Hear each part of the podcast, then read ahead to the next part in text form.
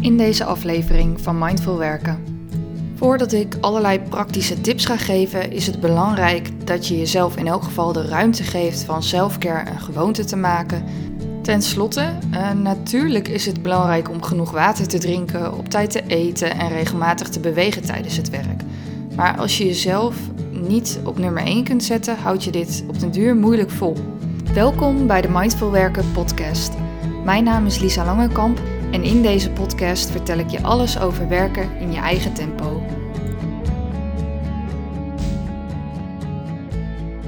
Welkom bij deze nieuwe aflevering van Mindful Werken. Het is nu februari en als je de eerste afleveringen al hebt geluisterd, dan weet je dat ik telkens een vraag beantwoord over werken in je eigen tempo. Ik deel praktische tips en ervaringen die mij hebben geholpen rust te vinden in een wereld waar de druk om te presteren steeds groter wordt en voldoende niet genoeg is. De vraag die ik dit keer beantwoord is van Paulien en die is: Ik ben helemaal voor de self-care trend, maar vind goed voor mezelf zorgen tijdens mijn werk een uitdaging. Wat zijn jouw tips? Toen ik me ging verdiepen in dit onderwerp met Storytel, mijn favoriete app op dit moment, en dat is niet gesponsord, vond ik allerlei boeken toegespitst op selfcare voor je sterrenbeeld, studenten bijvoorbeeld en je persoonlijkheidstype. Ik kan me voorstellen dat het onderwerp daardoor een klein beetje een zweverige lading heeft, maar wat mij betreft kun je het zo zweverig mogelijk maken als je dat zelf wilt. Maar wat is selfcare in het Nederlands zelfzorg dan precies? Op Google vond ik twee definities. De eerste is the practice of taking action to preserve or improve one's own health. En de tweede, the practice of taking an active role in protect, protecting one's own well-being and happiness, in particular during periods of stress. Dus door aan selfcare te doen voorkom je dat je over je eigen grenzen gaat en met een burn-out thuis komt te zitten. Ook is het een manier om de controle te nemen over je gezondheid in het algemeen en je mentale gezondheid. Toen Paulien mij de vraag stelde, was ik benieuwd wat ze er precies zo moeilijk aan vindt. Ze vertelde eraan denken en niet weten hoe. De komende minuten ga ik daarom in op hoe je jezelf eraan herinnert goed voor jezelf te zorgen en wat je precies kunt doen als je aan het werk bent. Voordat ik allerlei praktische tips ga geven, is het belangrijk dat je jezelf in elk geval de ruimte geeft van selfcare een gewoonte te maken en eens te kijken of je een innerlijke criticus hebt. Want als je diep van binnen ervan overtuigd bent dat je alleen mag ontvangen onder bepaalde voorwaarden, wordt het namelijk heel moeilijk om onder werktijd en daarbuiten goed voor jezelf te zorgen. Een voorbeeld van zo'n overtuiging is de gedachte: ik mag alleen rusten als ik productief ben geweest. Of ik ben het niet waard om vriendelijk voor mezelf te zijn. Deze stem wordt ook wel je innerlijke criticus genoemd en kan heel hardnekkig zijn. Dat je als je druk bezig bent deze gedachten niet altijd opmerkt, helpt dit om te mediteren het doel is dan niet om alle negatieve gedachten weg te denken of ze te analyseren, maar alleen op te merken wat door je hoofd gaat, net zoals in een film. Je hoeft je innerlijke criticus dus ook niet te vervormen tot iets wat je wel aanstaat, maar er alleen naar te kijken. Het is niet raar als dit in het begin een beetje confronterend of ongemakkelijk voelt, of als je deze stem vaker terug hoort komen. door het een bijnaam te geven, creëer je automatisch afstand.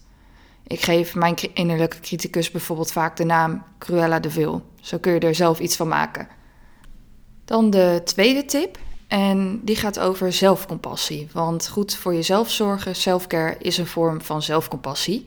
Het eerste boek dat ik hierover las is van Kristin Neff en heet Zelfcompassie, stop jezelf te veroordelen. Ik zal eerlijk zeggen dat het even duurde voordat ik iets met haar verhaal kon, want in de eerste instantie vond ik het niet zo heel bijzonder.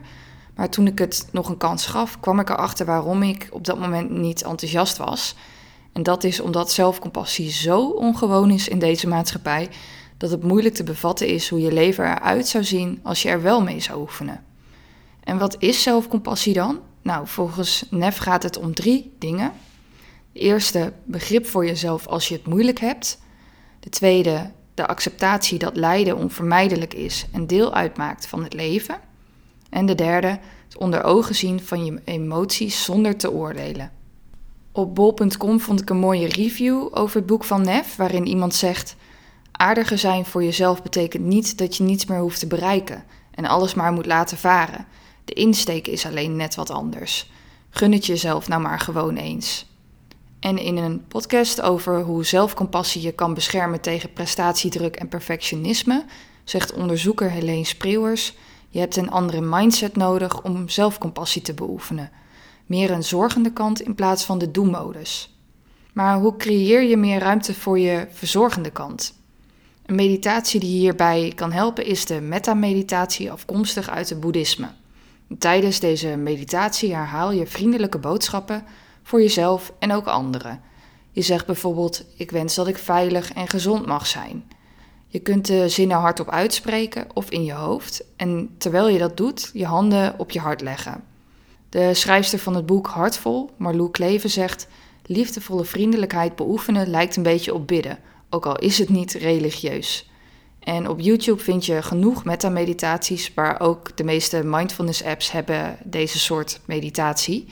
In plaats van te mediteren, als je dat uh, liever nu niet doet, kun je ook de zin ik gun mezelf puntje, puntje, puntje afmaken. Dan de derde tip, en die gaat over fierce compassion. Als je denkt dat zelfcompassie alleen maar soft is, dan heb je het mis. In de podcast 13 Now legt mindfulness trainer Frits Koster het verschil uit tussen yin en yang compassie. En misschien ken je het wel, maar yin staat voor meer de vrouwelijke energie, ontvangend, en yang voor het mannelijke en de actieve energie.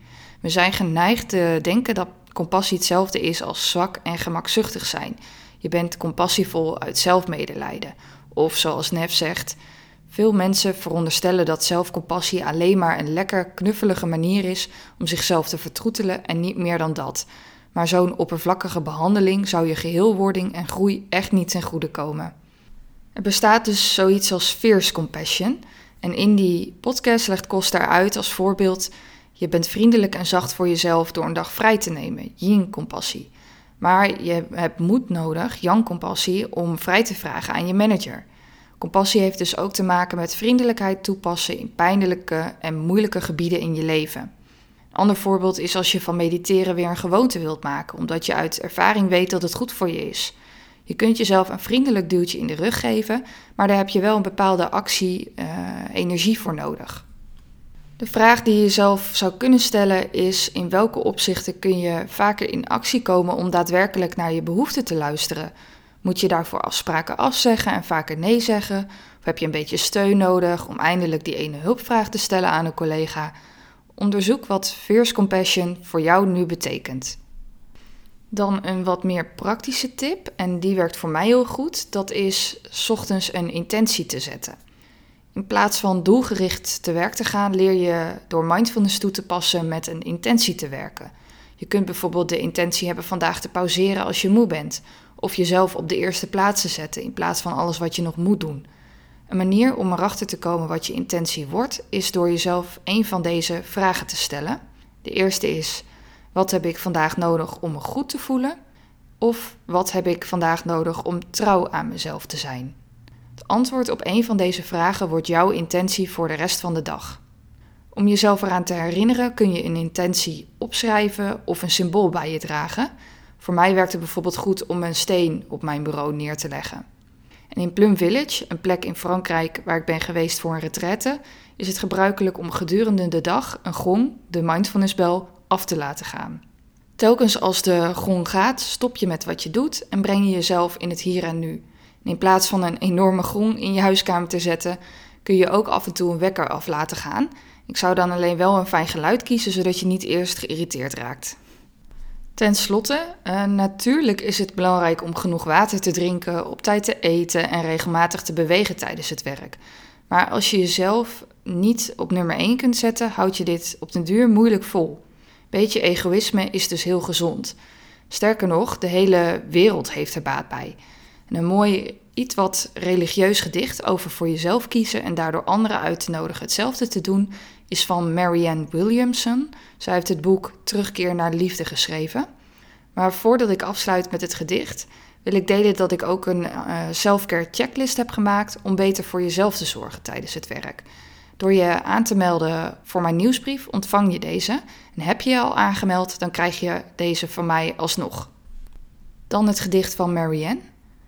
Onze diepste angst is niet dat wij onvolmaakt zouden zijn. Onze diepste angst betreft juist onze niet te meten kracht.